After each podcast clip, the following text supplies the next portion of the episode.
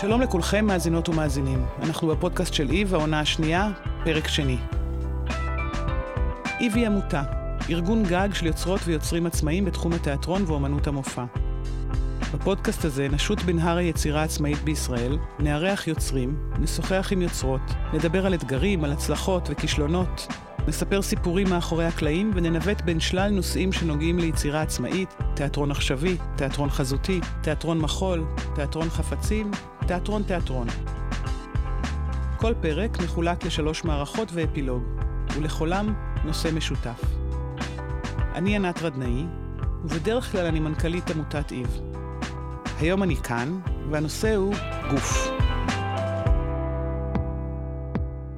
מערכה ראשונה, בעירום מלא.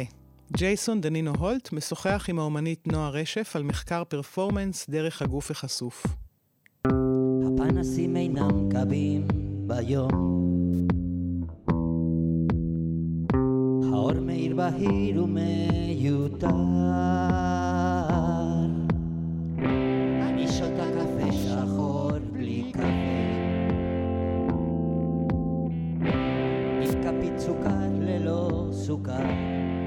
היי נועה. היי. מה שלומך? איפה את בעולם? בבריסל.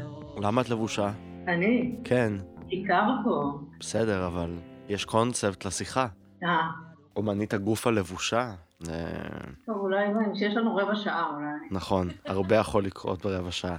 אז תראי, בעצם אה, נושא השיחה שלנו הוא גוף, ונראה לי לקהל המאזינות והמאזינים, בואי נעשה איזו סקירה מהירה למה בעצם לדבר עם נועה רשף על גוף. זאת אומרת, אילו עבודות שלך הן אה, עבודות שהגוף בהן הוא במרכז, איפה הן היו, ממש קצת אינפורמציה.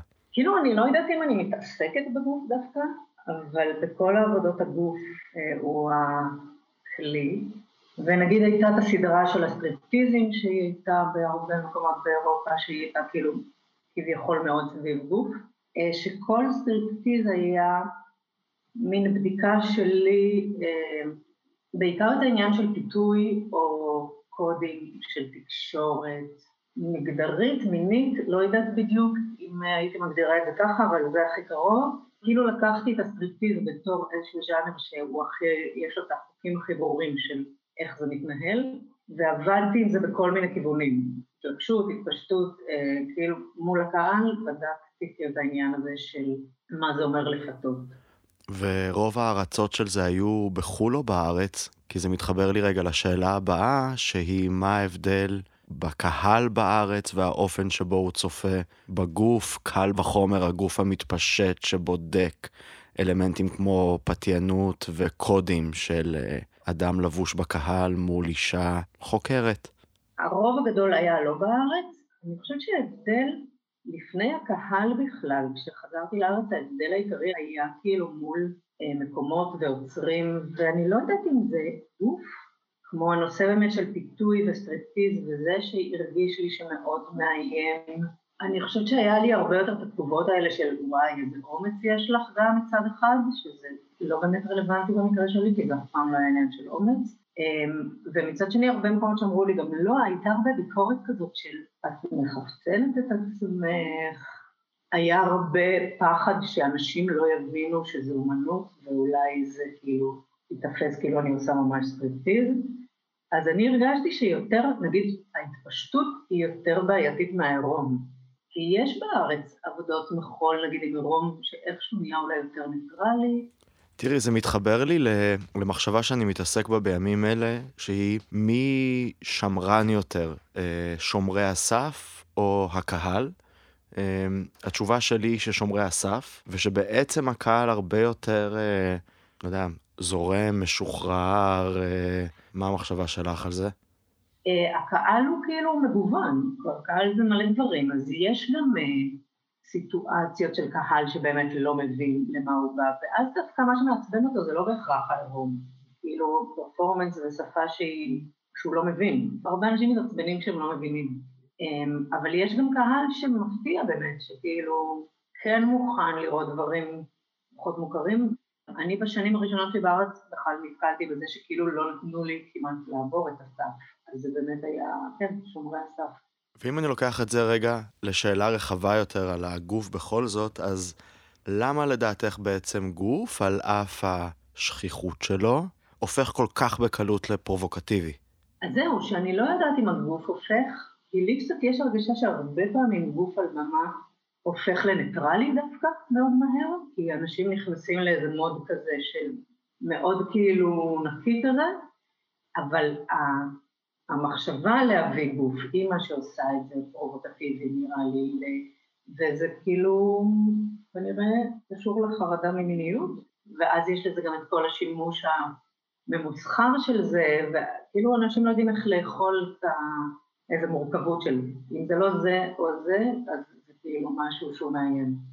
ואם אני לוקח את זה רגע חזרה לגוף שלך כאומנית וליחסים שלך איתו, מה ההבדל בין הגוף שלך לעצמך, או בכלל לבין שאר הגופות בעולם? אני חושבת שיש לי קצת היכרות או איזשהו משהו שהיה לי ברור על המקום הזה שהגוף שלי יכול לתקשר אותי יותר טוב ממני.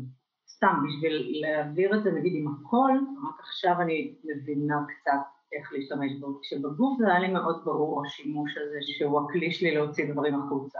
בואי נשווה לרגע, קודם כל סובייקטיבי דרכך, ואז אולי במבט רחב יותר בין הגוף הנשי לגוף הגברי, ואיך שהוא מיוצג על במה, בטח בעירום. אז דרכי, אה, כשהייתי עובדת עם אנשים, באמת עבדתי רק עם גברים, ואני חושבת שמאוד סקרן אותי הדבר הזה, שלשים אה, שם גוף שהוא לא אני, דברים שאין לי, וכאילו האטרקטיביות של זה וגם הכאילו זרות של זה, ואז אני זוכרת שבזמנו חשבתי קצת בתולדות האומנות, בדרך כלל גברים עשו את זה על נשים, ואני לא יודעת כמה כאילו גברים קיבלו על במת המבט הזה מבחוץ, לא מתוך עצמם. תראי, בחוויה המאוד מאוד פשטנית שלי בהבדל בין הגופות, זה שהגוף הגברי הוא בחוץ. זאת אומרת, הכל אה, בחוץ. ברגע שהורדת את התחתונים, הכל שם, והגוף הנשי, גם כשהוא בעירום, יש בו אלמנט של, אה, של הסתרה ושל סוד. כן. ומה שבכלל קשה לאנשים אה, לראות, הוא כשהסוד הזה נגלה בתצורתו הבלתי אמצעית והפעורה והלא מתביישת. זאת אומרת, העירום הנשי גם יש לו שלבים שלעירום הגברי פחות יש. אמ, אולי בגלל זה, כאילו לי יש איזושהי הרגשה שדווקא יש באמת קצת יותר לגיטימציה לנשים בעירום על במה.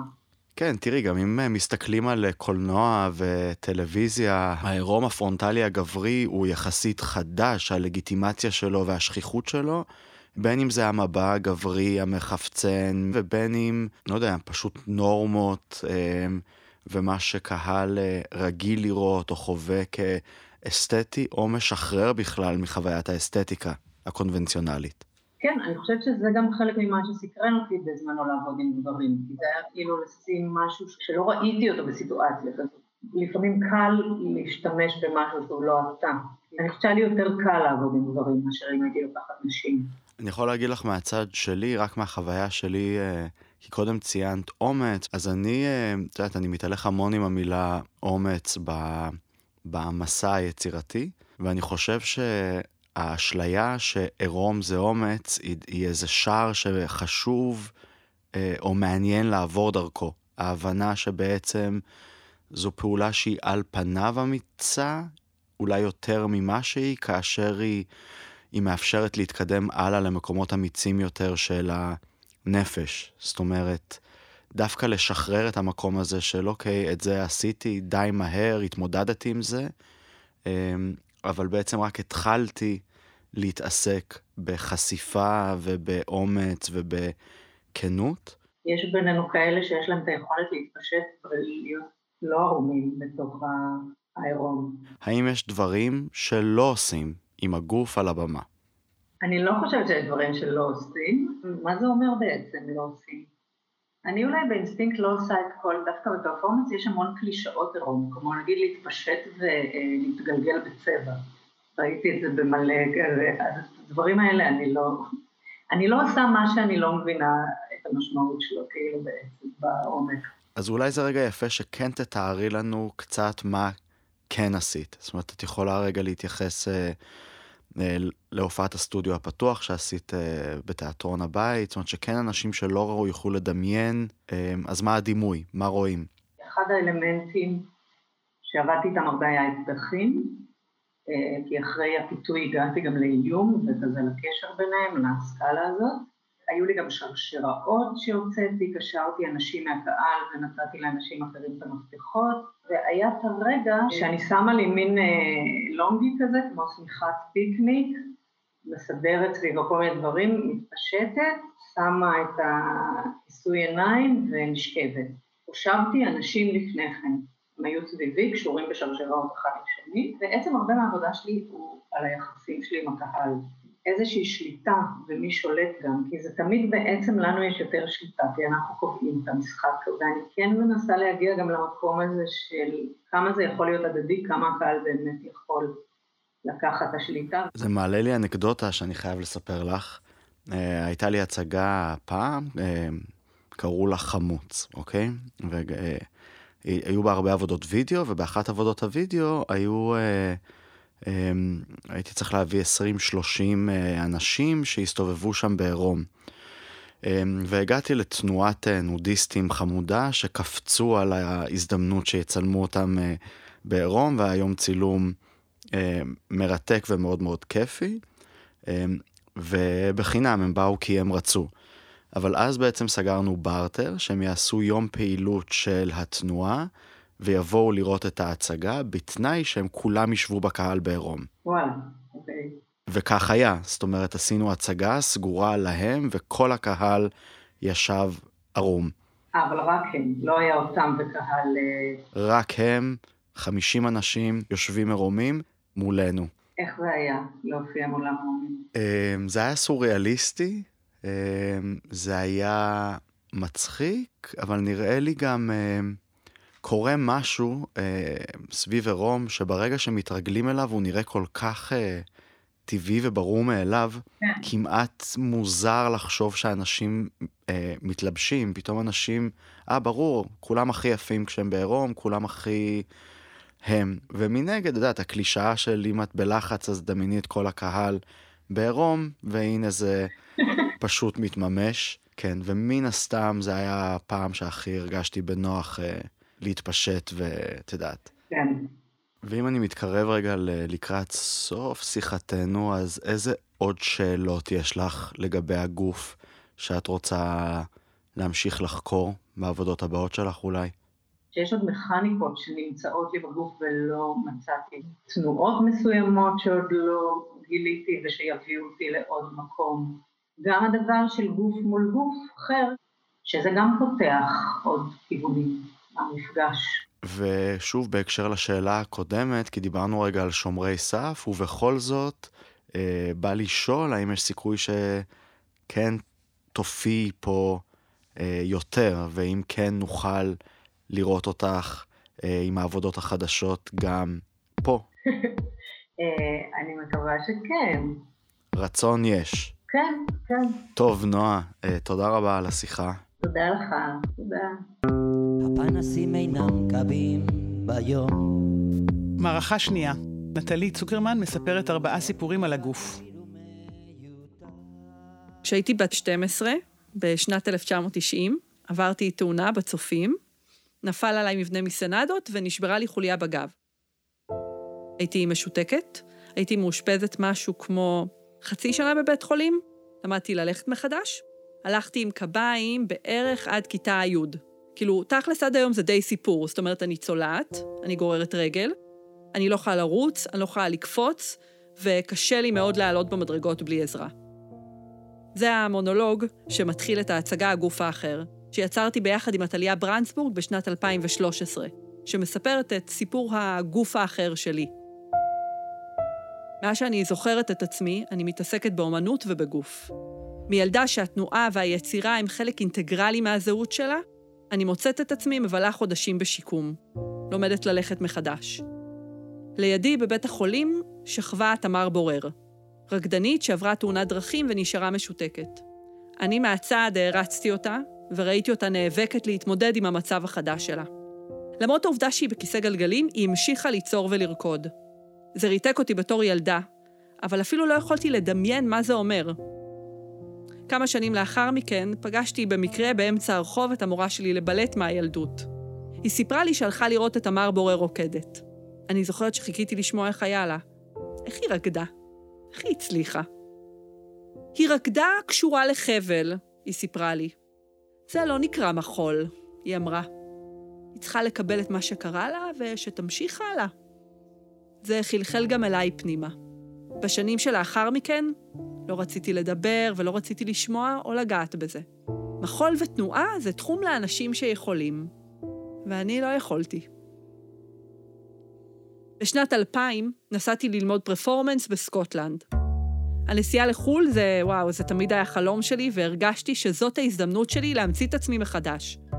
לחפש אחר העצמאות שלי ולגלות את הגוף שלי ממקום חדש. את זה אני כמובן אומרת היום, אבל אז זה נעשה מתוך איזו תחושת בטן אינטואיטיבית, ולא מתוך מודעות לאופציות האמיתיות שעומדות בפניי. ביום הראשון ללימודים התבקשנו לשחק תופסת. מיד הגשתי למרצה שלי, סיפרתי בקצרה על הנכות, ואמרתי לו שאני לא יכולה לרוץ, אז אני אשב בצד הפעם. העובדה שאני צריכה להסביר את המצב שלי, מכיוון שהנכות שלי לא נראית ישר על ההתחלה, זה שם אותי בכל פעם בחרדה. יקבלו או לא יקבלו? יאמינו או לא? כמו בכל פעם שאני מספרת את זה, אני מיד מוציאה את עצמי מהכלל. תמיד האאוטסיידרית.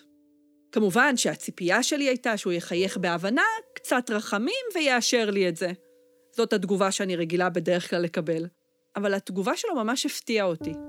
הוא התחיל בלשאול שאלות על המצב שלי, ואז הוא אמר לי, אין דבר כזה שאת לא משתתפת. את חייבת לשחק. ומעכשיו צריך להמציא חוקים חדשים לאותה תופסת. חברי הקבוצה הם אלו שמגדירים את החוקים. זאת אומרת שאין בקבוצה מי שיכול ומי שלא יכול. כולם יכולים, כל אחד בדרך שלו. והקבוצה והחוקים שלה צריכים להכיל את כולם. מאותו רגע לא הייתה ברירה, התחלתי לקחת חלק בכל השיעורים. מצאתי את הדרך, לאט-לאט, ביחד עם חבריי לכיתה והמרצים השונים. עם השנים התחלתי להבין את הכוח של הגוף שלי. אם עד גיל 20 הדרתי את עצמי מהמרחב החברתי, מאותה נקודה בעצם למדתי שהגוף שלי במרחב החברתי, או התיאטרוני בהקשר שלנו, צריך להיות מוגדר על ידי מי שדומה לי. התחלתי לגלות את הכוח של סיפור הגוף שלי, של הגוף המגמגם שלי, להבין את היופי ואת האסתטיקה שלו. אבל זה לא הסיפור הפרטי שלי בלבד. זה סיפור של כיצד גוף פוגש ממסד רפואי, גוף פוגש תפיסות חברתיות, גוף פוגש מרחב ציבורי. זהו סיפורם של גופים רבים. חברה טובה אמרה לי, באחד משיטותינו האיטיים, ברחובות תל אביב, שכשהיא הולכת לבד היא רצה. ממהרת להגיע. אבל כשהיא הולכת איתי, היא הולכת לאט. בהתחלה זה עצבן אותה. היא הרגישה שהיא צריכה להתאים את עצמה אליי כל הזמן, אבל לאט לאט היא התחילה לשים לב למה שמתרחש מסביבה. היא שמה לב למה שיש לעיר, למרחב, לאנשים מסביב להציע לה. האמירה הזאת מדגישה עד כמה היוצר עם הגוף האחר מחייב את מי שצופה בו להתרגל לעולם חדש של קצב וצורה. ובכלל, עד כמה האחר מחייב את החברה להתרגל לעולם חדש. אני כותבת את הגוף שלי. בפרפרזה על שירה של רחל, רק דרך גופי לספר ידעתי. בשנים האחרונות לא יצרתי. התמודדתי עם כל מיני בעיות רפואיות שונות שלא קשורות לתאונה, ובדיעבד אני מבינה שבמצב ההישרדותי שבו הייתי, פשוט לא יכולתי ליצור. חברים שידעו על זה אמרו לי, נו, לפחות מתוך זה יהיה לך המון חומר ליצירה. על מה אתם מדברים? מי בכלל יכול לחשוב על זה? יש לי המון מה להגיד, כן? לצעוק על הממסד הרפואי. אבל דרך תיאטרון, דרך יצירה, לא יכולתי לדמיין את זה בכלל. לא יכולתי לחשוב על שפה אומנותית שיכולה להכיל את זה. בשנה האחרונה התחלתי לעבור עיבוד של החוויות של השנים האחרונות, להתמודד עם הטראומה. בתהליך העבודה הטיפולית אנחנו מציפות את הטראומה דרך הגוף והתחושות שלו. לאט-לאט טקסטים צפים ברגעים שבין ערות לשינה. ואולי, אולי, יצירה חדשה תצא לדרך.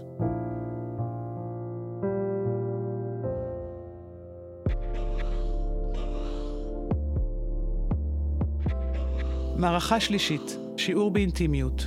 נועה שכטר משוחחת עם ערגה יערי, מתאמת אינטימיות. תמיד אני חרמונית כשאתה. אז מה, כאילו, את עושה לי טובה? גם. מה, עכשיו אני לא בסדר כי הזדהנתי איתך? אתה עושה צחוק? תעשי לי טובה, נו, כי אל תזדייני איתי כשלא בא לך, אני לא לקוח שלך. שלום uh, לכל המאזינים והמאזינות. אני נועה שכטר, אני מביימת כבר יותר מעשור, גם סטודנטים, גם שחקנים בוגרים, גם נוער. בכל הפקה שלי כמעט תמיד נמנעתי ממגע פיזי. זה משהו שכל פעם שהרגשתי שצריך להגיע אליו, הייתי חסומה. גם בתור קהל, זה תמיד היה נראה לי מזויף. העירום על במה, במיוחד בתיאטרון, שאתה יושב בתוך אולם, תמיד זה היה נראה לי גס. ובתור במאית, פחדתי להגיע לאינטימיות הזאת עם השחקנים, לייצר איתם את, ה, את הרגע הזה בחלל, ורציתי כל הזמן להגן עליהם ולשמור עליהם, ורק לאחרונה שמעתי על ערגה אה, יערי, מתאמת אינטימיות לקולנוע, טלוויזיה ובמה. אני נורא נורא שמחה לראיין אותך פה, ואני אשמח לשמוע עלייך קודם כל ועל המקצוע הזה. אז היי, נעים מאוד. תודה שהזמנתם אותי לדבר. אז אני למעשה אשת מקצוע רב-תחומית, יש לי ניסיון בעבודה בהפקות טלוויזיה והפקות בימתיות. במקור הייתי אחראית על אה, תפאורה ואביזרים, וככה למדתי להכיר את הטריטוריות האלה. בהמשך אני בעצמי הפקתי וביימתי פרויקטים שקשורים במיניות, אה, בגוף, בתנועה. בשנים האחרונות עשיתי הכשרה והסמכה גם בתחום שנקרא תקשורת מקרבת, שנותן כלים לדיאלוג וגישור בין אנשים. וכששמעתי על המקצוע הזה לפני כשנתיים, אז הרגשתי שהוא בעצם מחבר את כל הדברים שעשיתי עד כה באופן מפורק, והיה לי מאוד ברור שאני רוצה ללמוד אותו. בתיאטרון יש לזה שם קצת אחר, זה נקרא Intimacy Director, במאי, במאית אה, של אינטימיות. בימוי אינטימיות מאז ומתמיד, זה, זה קשור מאוד גם לבימוי של קרבות, אבל uh, לאורך הרבה שנים לא היו שיטות מוסדרות ממש ומובנות לעשות את זה, כל אחד עשה את זה איך שהוא ראה לנכון, והתחום הזה בעצם מבקש לבסס שיטות עבודה מובנות ומוסדרות סביב הנושא הזה. ובמסגרת הניסיון לבסס אותו בתעשייה המקומית, אני עושה סדנאות, מעבירה סדנאות, הרצאות, אני עומדת בקשר אה, ושיתופי פעולה עם ארגונים וגורמים שונים בתעשייה. ואני מנסה להפיץ עד כמה שניתן ולעשות הסברה אה, סביב הנושא. יש איזה הבדל נורא גדול בין קולנוע, טלוויזיה ותיאטרון. ובתיאטרון אנחנו נכנסים לתהליך חזרות מאוד מאוד ארוך, בדרך כלל בין שלושה חודשים, זה יכול להיות גם ארבעה חודשים. איפה אני מכניסה אותך בתוך התהליך הזה? באיזה שלב? רצוי כמה שיותר מוקדם. למעשה, השלב הראשון שאני נכנסת לתהליך העבודה זה בשלב ההכנות. אני רוצה לפגוש את הבמאי או הבמאית, לספר להם על תהליך העבודה שלי, להבין איפה הם נמצאים, מה החזון האומנותי שלהם, לנסות לבנות את המחשבה לגבי התהליך שאנחנו נעבור, מה הצרכים שלהם, מה הצרכים שלי. בשלב הבא אני מנהלת שיחות אישיות עם השחקנים.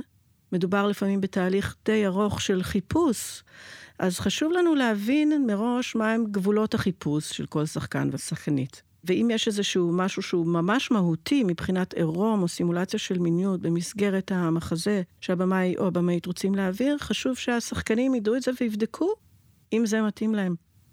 אחד הדברים שמאפיינים את שיטת העבודה שלי זה אה, קשב, הקשבה לשיטת העבודה של הבמאי או הבמאית. אני לא מעוניינת להיכנס ברגל גסה ולהפר אה, איזשהו איזון אה, מאוד, אה, מאוד עדין שיש לבמאי או הבמאית בתוך שיטת העבודה שלו. במהלך העבודה יש כמה דברים מאוד מאוד חשובים. אחד, זה ליצור בסיס לתקשורת על הסכמה. הדבר הנוסף הוא איך מורידים מהטעינות של העבודה, זה נקרא באנגלית de-loading, עושים את זה גם בעזרת שפה שהיא ניטרלית. הכירוגרפיה אה, מבוססת על אה, ספירות, על אה, שימוש במינוחים שהם לא מיניים דווקא, והיא מתועדת.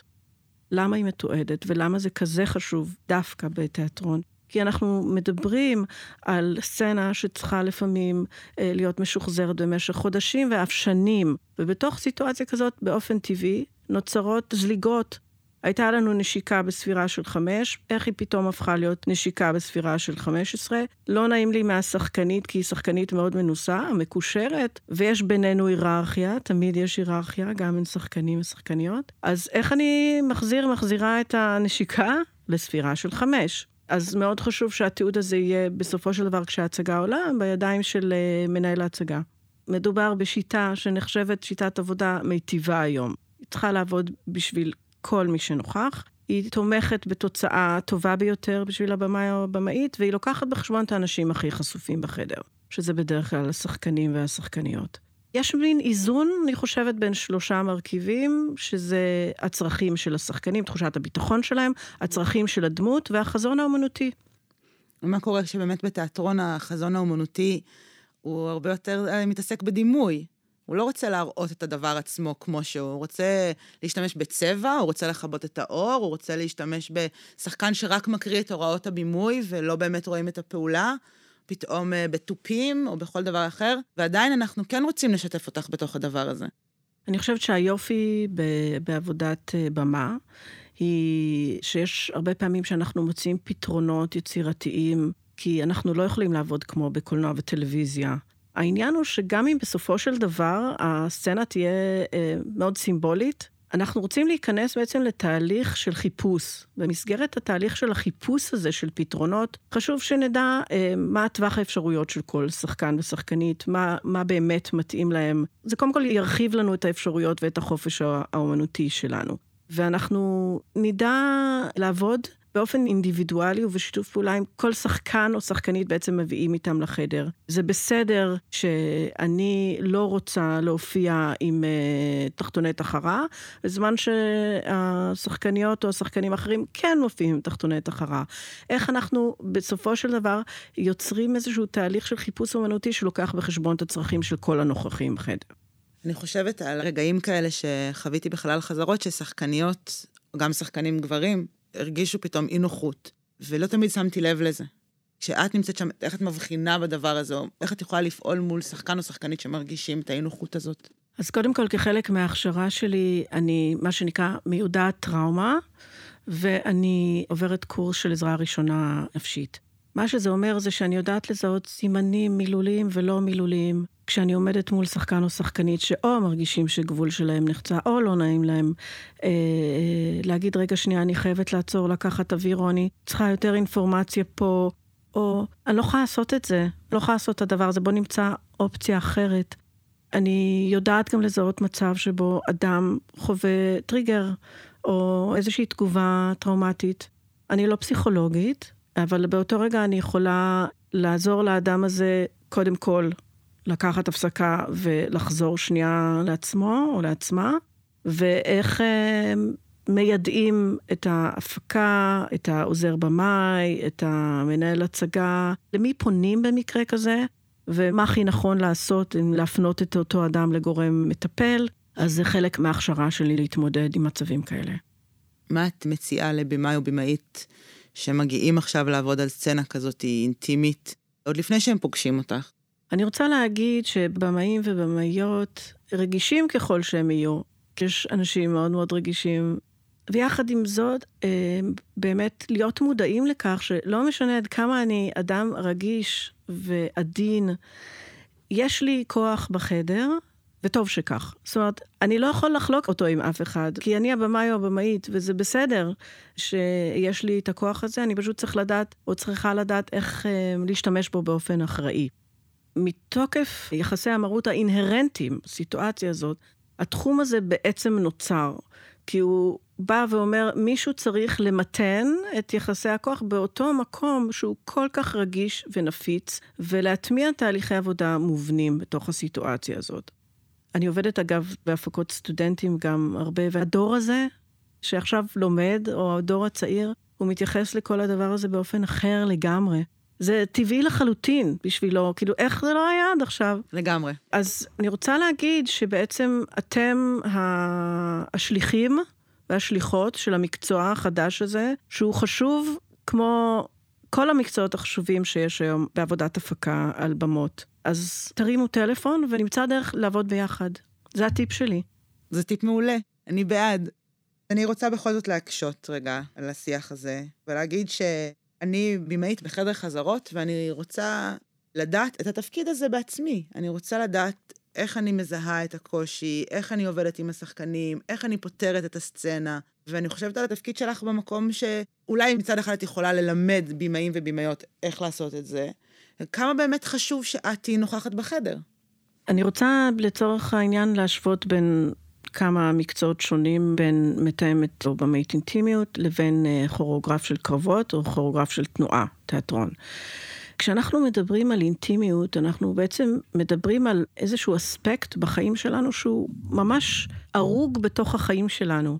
אני באה הביתה, אני נותנת חיבוק ונשיקה לקרובים אליי, אני לא הולכת ברחוב ועושה פירורטים, ואני לא הולכת מכות כל יום. עכשיו, מה שקורה זה שאנחנו מביימים סצנה אינטימית, אנחנו דווקא שם, בגלל שזה חלק שהוא כל כך משולב בתוך החיים שלנו באופן טבעי, דווקא שם אנחנו צריכים בגלל זה לקחת מרווח מיוחד מהסיטואציה, ולהבין שאם אנחנו, כמו למשל עם במאי או במאית מדגימים לשחקנים או על שחקנים סצנה אינטימית, קורה שם משהו שמרגיש כמו טשטוש גבולות. המוח שלנו לא יודע לתייג את זה בעצם כשבמאי או במאית הם יותר מדי קרובים לסיטואציה, אנחנו הרבה פעמים נכנסים לפריז, כי המוח שלנו לא מצליח לגשר שם בין תחושת היחסי כוח לבין הדבר הזה שהוא כל כך חלק מהחיים שלנו. יש שם משהו נורא מבלבל שקורה. כשאני עובדת עם שחקנים ושחקניות, חשוב לי מאוד לדבר איתם על איזושהי הכנה שהם עושים עם עצמם, לגבי מה מתאים להם לעשות. עכשיו, הרבה פעמים אנחנו יוצאים מנקודת הנחה כשאנחנו מביימים שחקן או שחקנית, שקודם כל יש להם את הניסיון הנדרש לענות על ההנחיה שאנחנו נותנים להם. ומה אם כשאני אומרת מי נורא לי, התפיסה שלהם היא אחרת לגמרי לגבי זה? אולי הם רואים בדמיונם משהו אחר. אולי הניסיון שיש להם הוא רק מלצפות בפורנו. יש המון המון חשיבות לשני דברים בעיניי. קודם כל, ל- ללמד שחקנים ושחקניות להגדיר את הגבולות שלהם כרגע בחיים שלהם. זה שהעליתי אתמול, אגב, תמונה לאינסטגרם, כשרואים את הישבן שלי חשוף, זה לא אומר שבא לי עכשיו להסתובב ככה בהצגה הספציפית הזאת, וכל דבר הוא תלוי קונטקסט. גם אנחנו כבמאים ובמאיות עושים המון הנחות מוקדמות במקומות האלה, וגם שחקנים ושחקניות, אנחנו לא רגילים ללמד את עצמנו להגיד מה לא מתאים לנו, או לחשוב אפילו מה לא מתאים לנו, ולא כל שכן להגדיר את זה בסביבת עבודה, כשהקריירה של המשחק שלי תלויה שם על הדבר הזה. אנחנו יודעים שאם אנחנו נגיד לא, או אפילו רגע שנייה אני צריכה לחשוב על זה, יהיו בחוץ עשרה אנשים שיגידו כן. ואני לא רוצה להוציא לעצמי שם של שחקנית שעושה בעיות. אז אנחנו כבמאים ובמאיות, אנחנו רוצים למעשה לבסס איזושהי תרבות עבודה מאפשרת לשחקנים ושחקניות לדבר לעצור רגע, לבדוק, לשאול שאלה. אה, ואם הם אומרים לא על משהו, איזה פתרונות אנחנו יכולים להציע שמאפשרים לנו להיות נאמנים למהות של הסיפור שאנחנו רוצים להעביר, בלי בהכרח להיות אה, צריכים לפטר אותם. ברגע שמכניסים תהליכי עבודה מובנים, מה שכל כך יפה, זה למעשה שזה גם משפר את עבודת המשחק, כי השחקנים פשוט מתמסרים יותר לעבודת המשחק. הם לפעמים מגלים לאורך החזרות שהם מרגישים יותר נינוחים לאט לאט, וכן מוכנים לעשות דברים שהם אמרו בהתחלה שהם לא מוכנים לעשות. וזה נורא יפה לראות את זה, כי זה מראה עד כמה שביטחון מאפשר חופש יצירתי. אני רואה הרבה פעמים, וזה אגב בכלל לא קשור לאם זה גבר או אישה, לפעמים דווקא שחקניות אומרות, טוב, עזבי, נו, בואי, נזרום לתוך הסיטואציה. אני מנוסה, אני עשיתי הרבה פעמים, התנשקתי, אני יודעת, יש לי כל מיני טכניקות, בוא נזרום. ואז את רואה שהשחקן מתכווץ. רגע, שנייה, איך בדיוק אנחנו אומרים להתנשק, עם לשון, בלי לשון, מה האורך של זה. לא נעים לשחקנים הרבה פעמים, אחד מול השני, כי יש ביניהם איזה מין היררכיה לפעמים, וגם הם רוצים לשמור על יחסים טובים, כי הם אמורים עכשיו ליצור אינטימיות אחד עם השני.